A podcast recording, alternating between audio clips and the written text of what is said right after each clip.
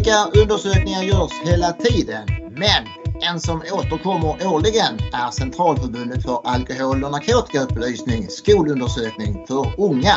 Och nyligen släpptes nya färska siffror. Använder våra ungdomar mer eller mindre alkohol, narkotika, doping och tobak idag än tidigare? Vilka samband är det mellan dessa ämnen och finns det logiska förklaringar till upp och nedgångar? Till min hjälp idag har jag med mig samhällsanalytikern Isabella Gripe från CRN. Ett fullspäckat avsnitt, så häng kvar för nu kör vi! Hej och välkommen Isabella Gripe till Sandpodden! Tack, tack! Kul att få vara med igen. Igen, ja, ja. Det är ju inte första gången du är med. Vi spelade in ett avsnitt för typ ett och ett halvt år sedan. Sicken succé det blev! Ja. Men i det avsnittet eh, då pratar vi om eh, hur ungas attityder till narkotika har förändrats med tiden. Och jag kommer ihåg, då satt jag hemma och det gör jag även idag. Var sitter du någonstans idag, Isabella? Jag sitter faktiskt på kontoret idag. Då för ett och ett halvt år sedan så kom jag ihåg att jag satt i, eh, i barnens rum där det är så mycket gosedjur för att det ska bli lite dämpat ljud. Men idag är jag på kontoret och sitter i ett av våra konferensrum. Det var rätt trevligt ändå, lite mysfaktor där. Man såg alla nallebjörnar runt dig. Precis. I förra avsnittet då, då berättade du kortfattat vad eh, CRN arbetar med. Men om det nu skulle vara någon som eh, inte har lyssnat på det avsnittet, eh, vad skulle du säga till dem, Isabella? CAN, Centralförbundet för alkohol och narkotikaupplysning, det är en eh, organisation som har som ambition att vara ett nationellt kompetenscentrum inom ANDT-området.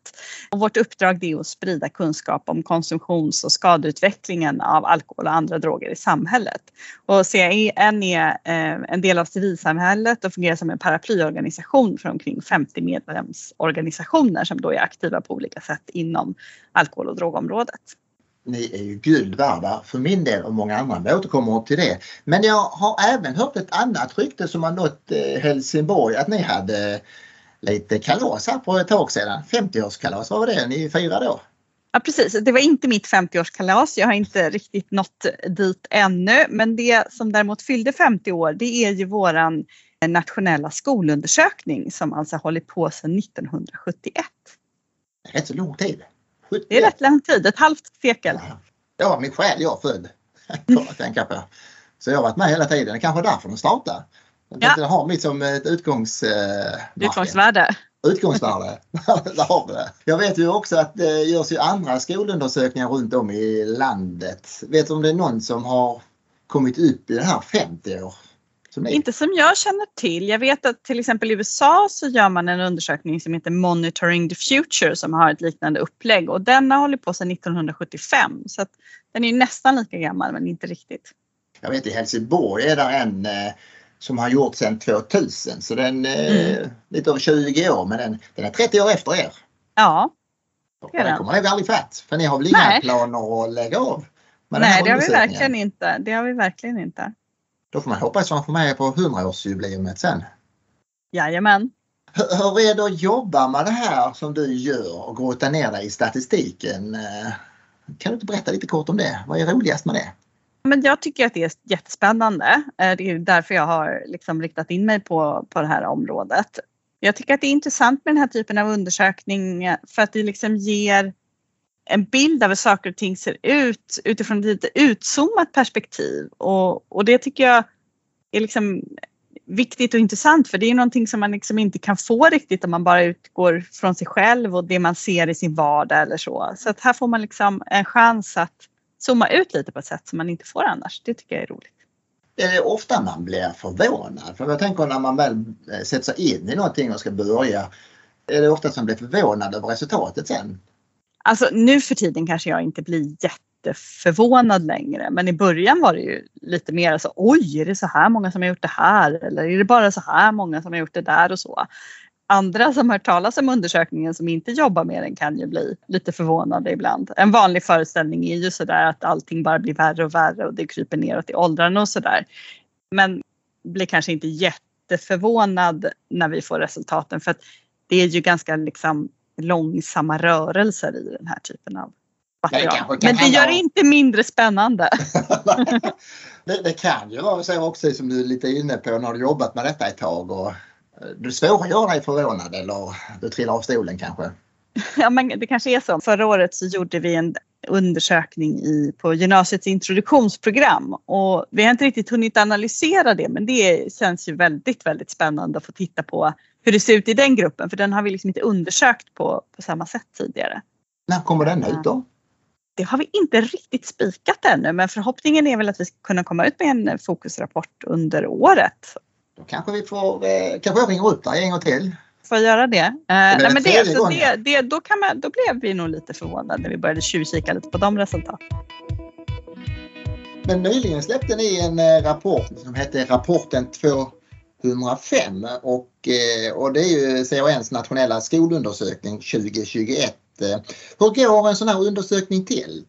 det vi gör är att vi, vi har ett urval om 350 skolor eh, i årskurs 9 och 350 skolor i gymnasiet i årskurs 2. För det är de åldersgrupperna som vi undersöker.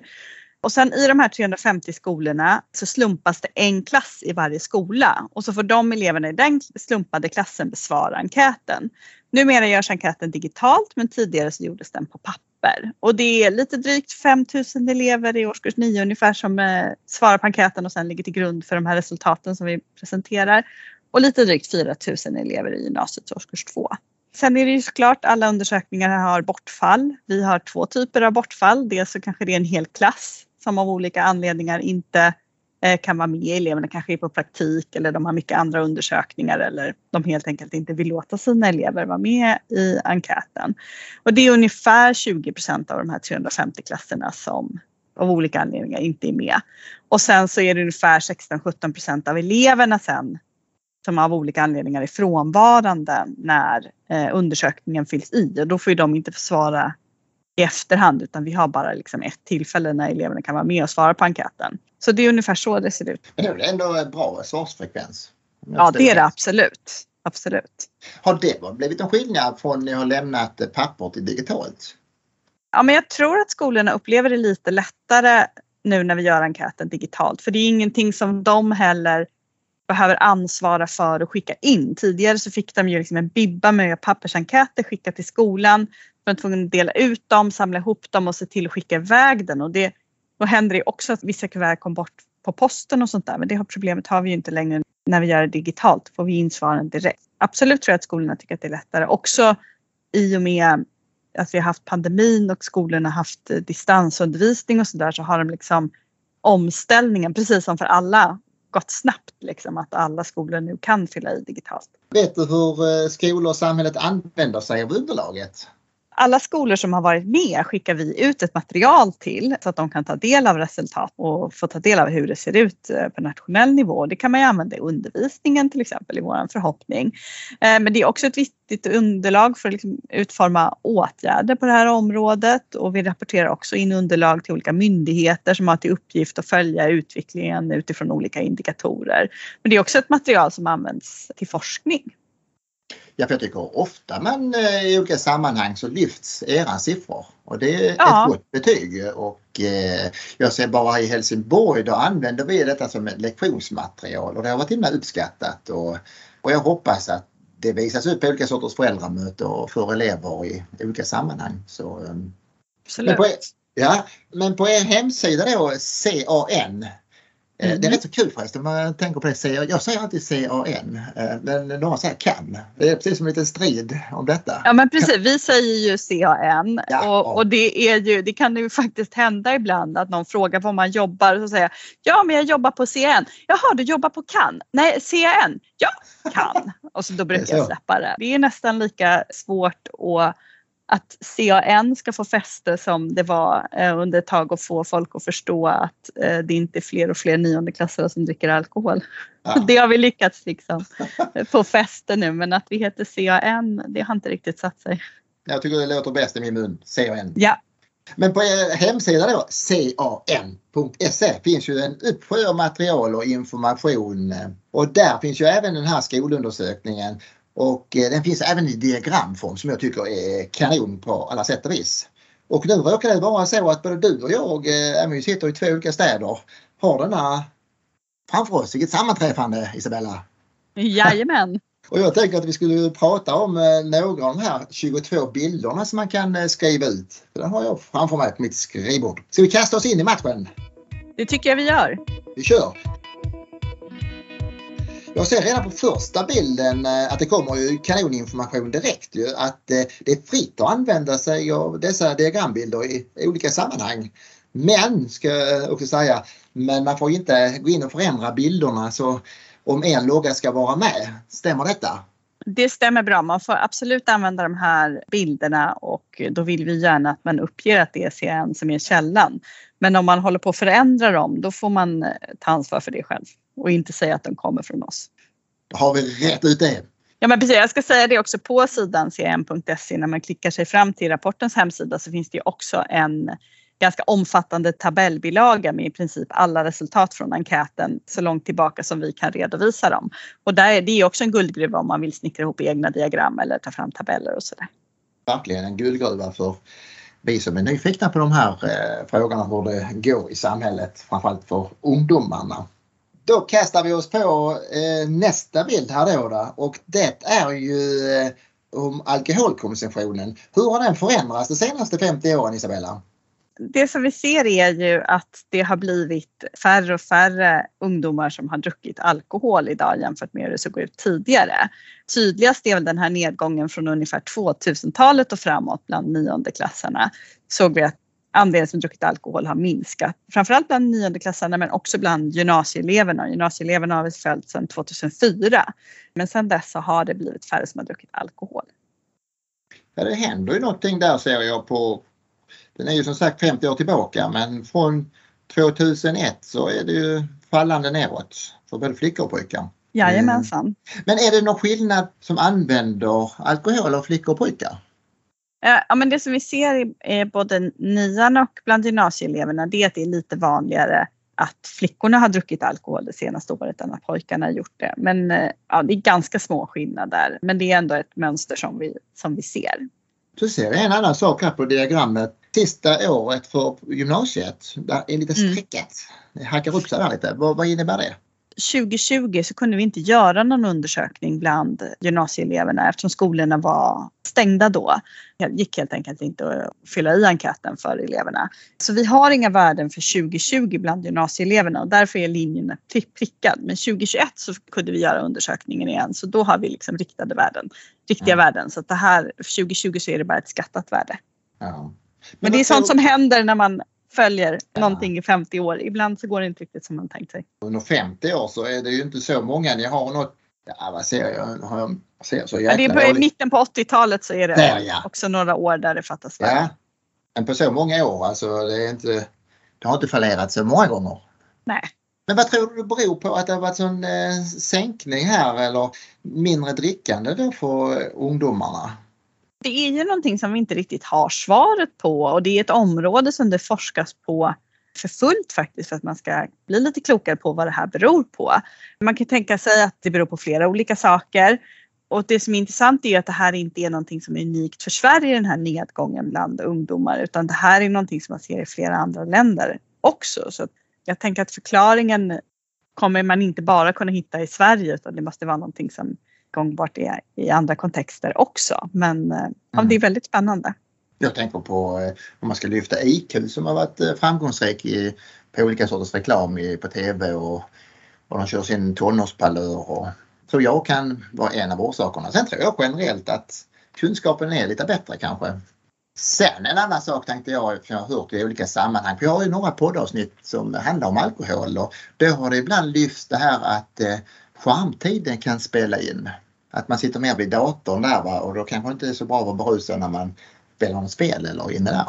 Men precis, det kan kanske ha bidragit men jag tror inte att det bara är det som ligger bakom. Utan jag tror som sagt att det är flera olika faktorer. Mm. Eh, men det, ja, men det ska bli spännande att se vad man kommer fram för, till för forskningsresultat de närmsta åren när man jobbar vidare med de här frågorna inom, inom alkoholforskningen. Ja. Ja, nej, för jag tänker precis som du säger här att det är säkert hur många svar som helst ju. Många, många små saker blir en stor massa till slut. Är det så man precis. säger? Eller? Okej, okay, men, men färre ungdomar dricker alkohol. En diagrambild här som visar andelen elever som intensivkonsumerar alkohol också minst en gång i månaden. Men vad innebär det? Med intensivkonsumtion i den här undersökningen så då menar vi att man har druckit en större mängd alkohol vid ett och samma tillfälle. Då tänker vi eh, motsvarande ungefär en flaska vin. Och andelen som har gjort det, det har faktiskt också minskat både i årskurs 9 och gymnasiet. I nian var det ungefär 5% i senaste undersökningen och ungefär 10% i gymnasiet. Och det är ganska små skillnader mellan pojkar och flickor när det gäller intensivkonsumtionen. Men det som vi ser alltså det är att det också går liksom åt samma håll. Att det är inte bara andelen som någon gång har druckit som har minskat utan även andelen som har intensivkonsumerat. Den hänger också med och har minskat positiv utveckling på att det går neråt. Verkligen. Ja, ni har ju som sagt en uppsjö av statistik men ska jag säga att även i Skåne, vi ska inte vara sämre ju, även om inte vi har 50 år, men vi har ju olika sorters undersökningar och eh, Region Skånes folkhälsoenkät Barn och unga gjorde ju en eh, nu förra året och de har gjort det tidigare också, jag tror det var, var det 2012 och 16. Men nu senast var det i alla fall 27 000 elever som svarade på den här enkäten i årskurs 6, 9 och på gymnasiet 2. Och jämför jag då den statistiken med CAN, då visar den att fler dricker alkohol i Skåne som går i nian men siffrorna är ungefär samma på gymnasienivå. Vad tror du om det? Men vi ser liknande mönster. Vi kan ju inte ta fram lika detaljerat på region eftersom vi har varit urval nationellt men vi kan slå ihop två år och titta på olika regioner i Sverige och då kunde vi också se det som du säger att när vi jämför regionerna så, så kunde vi se att eh, Skåne låg ja, men något högre på vissa av måtten jämfört med det, snittet för riket. Skåningarna skärpa till sig lite mer då? ja, men jag ska säga att det var inte några jättestora skillnader, man kunde ändå se en liten tendens. Ja, det gläder mig att höra. Det blir intressant att se, tycker jag, det här olika statistik och jämföra. Mm. En annan fråga i den här Skåneundersökningen visar att eh, även att föräldrar har blivit mer återhållsamma och att bjuda sina ungdomar på alkohol. Det kan säkert kanske vara påverkat att färre som dricker alkohol. Vad tror du om det Isabella? Att de, man ska inte bjuda ja, men, sina barn? Nej men det tror jag säkert kan vara en del i att unga dricker mer. Föräldrarna är mer, ja, man spenderar mer tid med sina föräldrar och eh, föräldrarna är mera kanske mer restriktiva när det gäller att bjuda mm. på alkohol och sådär. Så jag tror inte att det är hela förklaringen men jag tror absolut att det kan, eh, kan bidra. Så det är ju en positiv utveckling. Där kom det igen det här. Va? Det kan vara många förklaringar. Jag tänkte på, eh, hitta inte på ett diagram, inte på den här i alla fall. Vad är vanligast att dricka? Vet du det Isabella? Det vi frågar är vilka olika alkoholsorter som de har druckit och eh, det som vi kan se då är bland niondeklassarna är att det är sprit är vanligast och sen på nummer två så kommer öl bland pojkar och blanddrycker bland flickor, alltså cider och den typen av drycker. Och bland gymnasieeleverna så är det öl som är vanligast bland pojkarna men sprit bland flickorna. Mm. Vet du om det har varit så en längre tid? Vet du det? Ja, så brukar det se ut. Eh, det kan kanske ha växlat något år men det som är väldigt tydligt är att vin till exempel inte är mm. speciellt populärt. Ja, jag tänker bara generellt när du berättar om detta här att man blir lite oroad att tonåringar dricker så mycket starksprit att den kommer så högt. Är man påverkad och ung, så ja, det kan sluta illa. Absolut. Om vi hoppar till en annan bild här. En sak som man blir påmind dagligen är alla förbannade här cigarettfimpar som slängs på marken. Ja, det har säkert du också gått och trampat på någon cigarettfimp och jag tror det är många som stör sig på detta och det är en katastrof för miljön och för mycket. Men, eh, men röker våra ungdomar mer eller mindre enligt er undersökning? Det är faktiskt betydligt färre som röker idag jämfört med hur det har sett ut eh, tidigare och om man jämför med hur det såg ut i mitten på 70-talet så är det verkligen en kraftig nedgång. I nian så är det ungefär 8 som, eh, som röker och vi ser också att det är lite vanligare bland flickorna än vad det är eh, bland pojkarna. Och det mönstret ser man också bland gymnasieeleverna. Där är det fler som, som röker. Det är lite vanligare bland flickor än bland pojkar. Men det är en väldigt eh, positiv utveckling i den bemärkelsen att det är färre som röker idag än vad det har varit tidigare. Rekordlågt kan man säga. Ja, jag tittar på tabellen här och ser på 70-talet där när det börjar. Shit vilka siffror! Det var Mm. högt och sen gick det neråt Ja. och sen gick det lite uppåt. Och, precis som alkoholen sen början av 2000 där att det hände någonting i samhället. Att det har Mm. gått neråt. Men vad tror du det beror på att flickor, att det är lite vanligare att de röker? Har du någon teori på det? Nej, jag har nog kanske inte riktigt någon teori om det.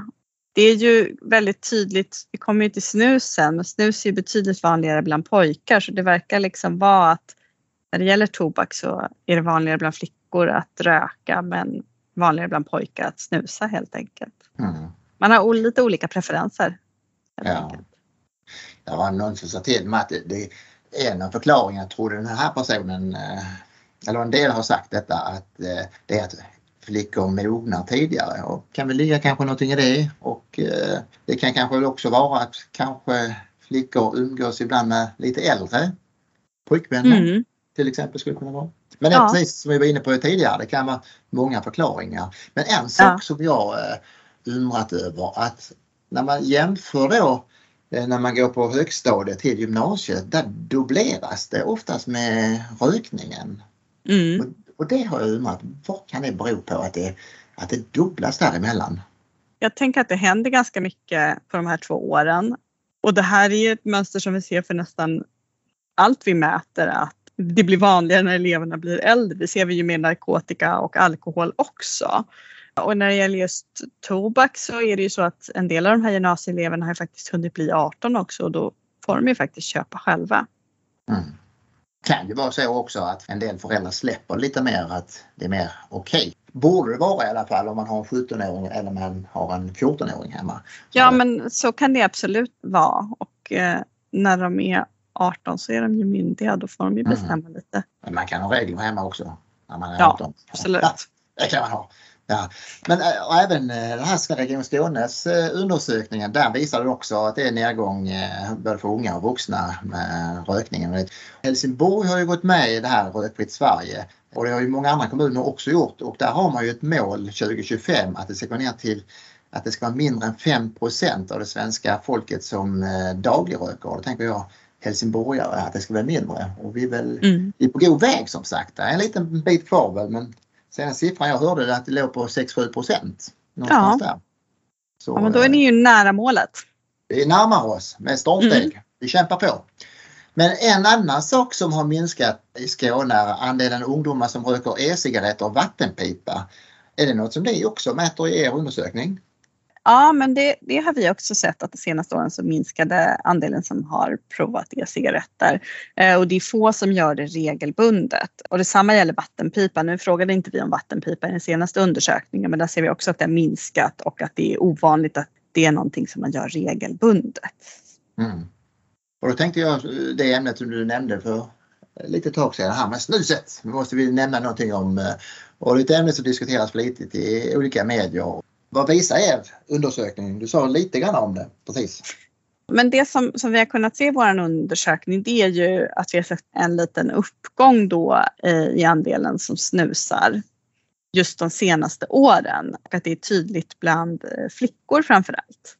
Där jag ser att det är en rejäl ökning där sen på diagrammet 2018. Det blev det som en rymdraket rakt upp. Ja, precis. Men i ett längre perspektiv så, så är det ju en minskning. Men just det här, vi sett det här brottet i minskningen och att vi sedan har haft år med en uppgång. Mm. Vad tror du det kan bero på att det har ökat där eh, snusandet? För några år sedan så introducerades det här eh, vita snuset och det tänker jag kan till viss del ligga bakom den här ökningen. Mm. Ett antal artiklar så står det att de som använder mest det vita snuset är ju eh, flickor och tjejer. Precis, vi, exakt varför det ser ut så vet vi inte men det som var, var tydligt var ju att eh, det traditionella snuset det är vanligare bland pojkar men det här vita snuset det är en större andel flickor som de har använt. Ett annat ämne som diskuteras livligt i olika sammanhang är ju narkotikan. Just det. Eh, ja, upplever du Isabella också att det är så att det diskuteras mer och mer i detta ämnet? Det är väl absolut ett, ett ämne som engagerar många. Jag hade ett avsnitt med Staffan Hubinett som är sakkunnig för ett tag sedan och jag ställde den frågan till han eh, vad är tongångarna? Vad pratar han mycket om? Och då sa han att eh, nu sista tiden har det blivit mer legaliseringsdebatten. Innan var det avkriminalisering och innan dess var det harm reduction. Och, ja, det är mm. lite att jobba Men eh, vad visar er undersökning då med narkotikan? Är det uppåt äh, eller neråt de här 50 åren? bland niondeklassarna då som vi har följt längst så kan man se att de senaste 20 åren så har det legat ganska stabilt. Det har pendlat liksom någonstans mellan 5-10 procent. Jag tror att det var 7 eller 6 i den senaste undersökningen som sa att de någon gång har provat narkotika. Bland gymnasieeleverna är dubbelt så vanligt. Man har provat narkotika någon gång och där börjar vi få en lite längre tidsserie. Om man ser till hela den så har det varit ganska stabilt bland gymnasieeleverna också. Så det har liksom inte hänt så jättemycket faktiskt de senaste 20 åren. I media går man ut som eh, nästan alla knarkar. Och det är lite oroväckande kan jag tycka. När man är... Ja men precis, och det handlar väl om de här olika perspektiven återigen. Det här mm, som vi, vi följer här på CN är ju hur det ser ut i, i hela gruppen niondeklassare och hela gruppen gymnasieeleverna. Och eh, där har vi inte kunnat se någon direkt ökning. Mm. Men det är klart att det kan se annorlunda ut på olika platser i Sverige, olika grupper ja. och så. Det framkommer inte riktigt här.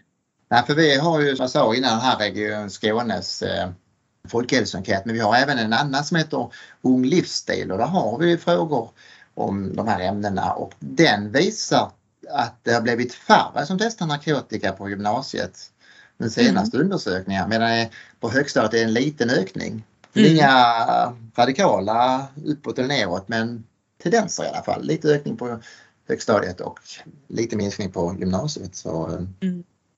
Ja, men jag tror om man zoomar in på våra tidsserier så ser man att de är lite hackiga. Det kan variera från år till år men man behöver nog ha lite några mätpunkter för att kunna se vartåt det barkar. Det är mm. En svala gör ingen sommar och så vidare.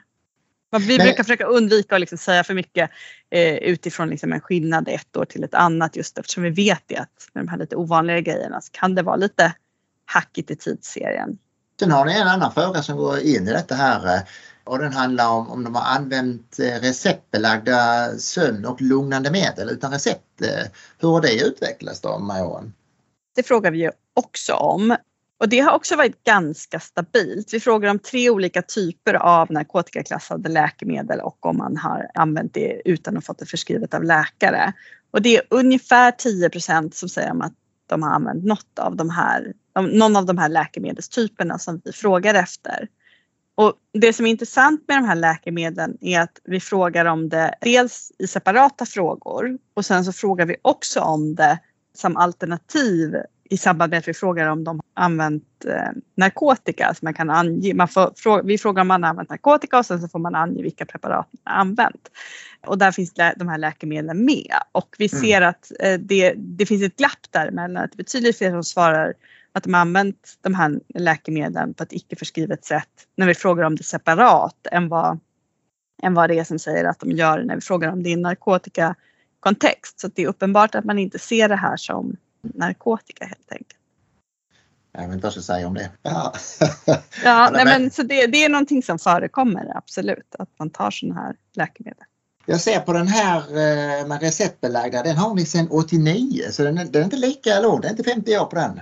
Nej precis och, och vi har inte frågat om alla preparat heller utan vi har från början så frågade vi bara om sömn eller lugnande medel och sen så har vi lagt till smärtstillande och sen så sen några år tillbaka så frågar vi också om centralstimulerande. Så vi har inte följt alla tre över lång tid utan, utan det är just sömnlugnande som vi har följt länge. Sen är en annan intressant fråga här. Eh, fråga om anabol androgena steroider. Hur ser det ut då? I de här åldersgrupperna så är det ovanligt att man har använt det. Jag tror att det de senaste åren har legat på, om det är inte ens en procent som säger att de har använt det någon gång i livet. Eh, så det är ganska ovanligt helt enkelt att man har gjort det mm. i de mm. här åldersgrupperna. Det jag blir mest förvånad på den här, om man tittar på diagrammet, är att det är högre siffror på årskurs 9 än gymnasiet 2. Alltså det skulle ju kunna bero på att man i årskurs två är mindre benägen att rapportera att man har använt det här. Eller så kan det vara så att man är mer, att benägen att överrapportera i nian. Jag tycker just eftersom det är så pass låga nivåer så är det liksom svårt kanske att uttala sig om riktigt vad det beror på. Mm. Om det faktiskt är en sån skillnad som vi ser. Det skulle ju också kunna vara så att de som har använt anabola androgena steroider är kanske mindre benägna att fortsätta till gymnasiet från nian. Det, det vet vi helt enkelt inte riktigt varför, varför det ser ut så här. Men jag tycker det tydligaste man ser i det här diagrammet är ju att det är, att det är ovanligt att man har provat helt enkelt. Mm. Vi måste ju också nämna någonting om den här eh, förbaskade pandemin som har skjutit över oss. Hur tror du det har påverkat resultatet? Det som vi såg tydligast är att den här utvecklingen när det gäller andelen som använt alkohol fick sig liksom en skjuts neråt och vi såg också att det är färre som har rökt. Och i höstas i en annan rapport så tittade vi närmare på om vi kunde se något samband mellan hur man hade upplevt pandemin använt alkohol och narkotika och tobak. Det som vi kunde se då i, den rapporten det var att de som hade begränsats mer i umgänge och sin fritid de hade också rökt och druckit alkohol i lägre utsträckning. Kan ju tänka sig att det här sambandet är någonting som har fått eh, liksom, genomslag liksom, i den här gruppen och att det är det vi ser att eh, en viss utveckling som var på gång redan innan före pandemin har liksom fått sin extra skjuts av pandemin. Och det är inte så konstigt att tänka sig tänker jag. Det har ju helt enkelt funnits liksom färre sociala tillfällen och så färre liksom, möjligheter att testa alkohol och rökning eftersom man har varit hemma mer helt enkelt. Mm. För unga är det ju liksom ofta en social grej. Det har begränsats så har det också färre testat helt enkelt. Mm. Ja, det låter ju logiskt ju. Och då måste jag fråga, tror du det finns något samband mellan alla de här drogerna? Det som vi ser till exempel när man tittar bland de som har druckit alkohol det senaste året, då ser vi att det är vanligare att de som har druckit alkohol också har använt tobak eller till exempel testat narkotika jämfört med de som inte har testat alkohol. Så det är absolut så att, att om man till exempel har druckit alkohol så är det också större risk att man har provat något av de andra sakerna som vi har, som mm. vi har frågat om i enkäten. Men det är ju en tvärsnittsstudie, alltså det är svårt att uttala sig om vad som kommer först helt enkelt. Men, ja. Men absolut är det så. Jag skrev ut ett här, ett citat här som Region Skånes, eh, den här rapporten som jag har pratat om tidigare, vad de vill framhäva. Att, och då skriver de eh, att de elever som röker eh, och intensivkonsumerar betydligt mer alkohol och, och det som blir bjudna på alkohol och sina föräldrar, de konsumerar också mer alkohol och det som konsumerar alkohol använder också betydligt mer narkotika. Så det är väl lite grann som du var inne på som de vill lyfta fram. Det låter som mycket mm. hänger, hänger samman Isabella. Ja. Hur ska vi summera detta trevliga samtalet tycker du? Den här undersökningen den har ju ändå gjorts i 50 år, det är ett halvt sekel. Eh, om man tar det perspektivet, det här långa perspektivet, så tycker jag att det är viktigt att ha med sig att det ändå är så att bland unga så har erfarenheten av alkohol och tobak och narkotika Eh, minskat helt enkelt. Och det är ju goda nyheter. Mycket, mycket goda nyheter. Och sen får vi väl också säga att eh, vill man fördjupa sig i eh, den här rapporten så ska man gå in på can.se. Ja men då känns det som att vi har rätt ut ganska mycket här på den här korta tiden. Ja. Ja, så och tusen tack för att du kunde vara med Isabella andra gången. Ja, men, eh, tack, tack för att jag fick eh, komma tillbaka. Det var ju inte total katastrof första gången. Du är en stjärna. så, tusen tack för att du var med så eh, får jag bara säga hej hej. Hej hej.